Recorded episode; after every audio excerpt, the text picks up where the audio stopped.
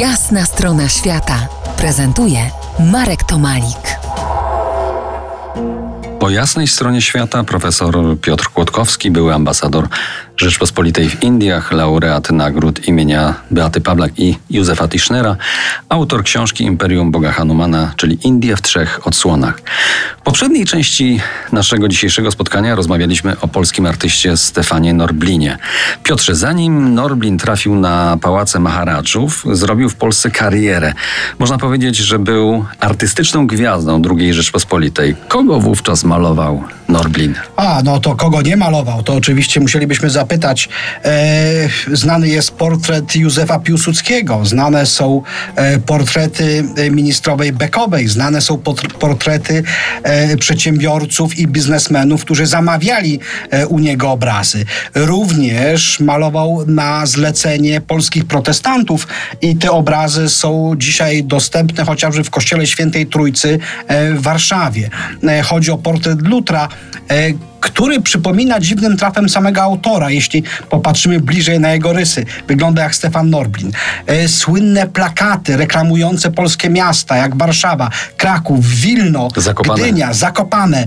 E, to wszystko jest autorstwa Norblina. Zresztą te plakaty do dzisiaj e, są używane chociażby przez Ministerstwo Spraw Zagranicznych. Norblin również projektował stroje dla artystów. Był związany ze światem aktorskim. Jego kolejna żona, E, wywodziła się właśnie e, z grupy aktorów. E, tak, Norblin to człowiek wszechstronny, artysta wielu sztuk. Dodajmy, człowiek, który nigdy formalnie nie skończył żadnej Akademii Sztuk Pięknych. I pewnie dalej tworzyłby w Polsce, gdyby nie wybuch wojny, II wojny światowej. Wraz z żoną i synkiem uciekli z kraju, przez Irak trafili do Indii i tam zrobił tą oszałamiającą karierę. Tak, tu jest pewien przypadek. Otóż e, Maharadża Jodhpuru e, zamówił sprzęt Wielkiej Brytanii. E, chodziło tutaj o meble do jego nowo wybudowanego pałacu, prawdopodobnie największego ówcześnie pałacu na świecie w XX wieku. Niemiecka Kriegsmarine zatapia transport mebli, które płyną do Indii. Wobec tego Maharadża zwraca się do Norblina o pomoc, aby zaprojektował mu i wykonał meble do potężnego pałacu w Jodhpurze oraz namalował murale w sali tronowej.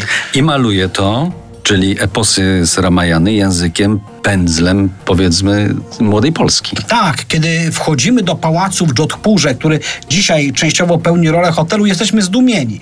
Nagle wydaje nam się, że co prawda postrzegamy Ramajanę, postrzegamy wielką opowieść epicką indyjską, ale sztuka, cała technika wykonania tych murali nagle przypomina nam Polskę, nagle przypomina nam obrazy znane właśnie z młodej Polski i zresztą e, Norblin tego nie ukrywał. Chciał połączyć te elementy, był zwłaszcza miłośnikiem Art Deco, więc te elementy Art Deco, które tak naprawdę ilustrują cywilizację indyjską, są czymś absolutnie zdumiewającym. Do polskich odcieni Ramajany pędzla Stefana Norblina wrócimy za kilka muzycznych chwil.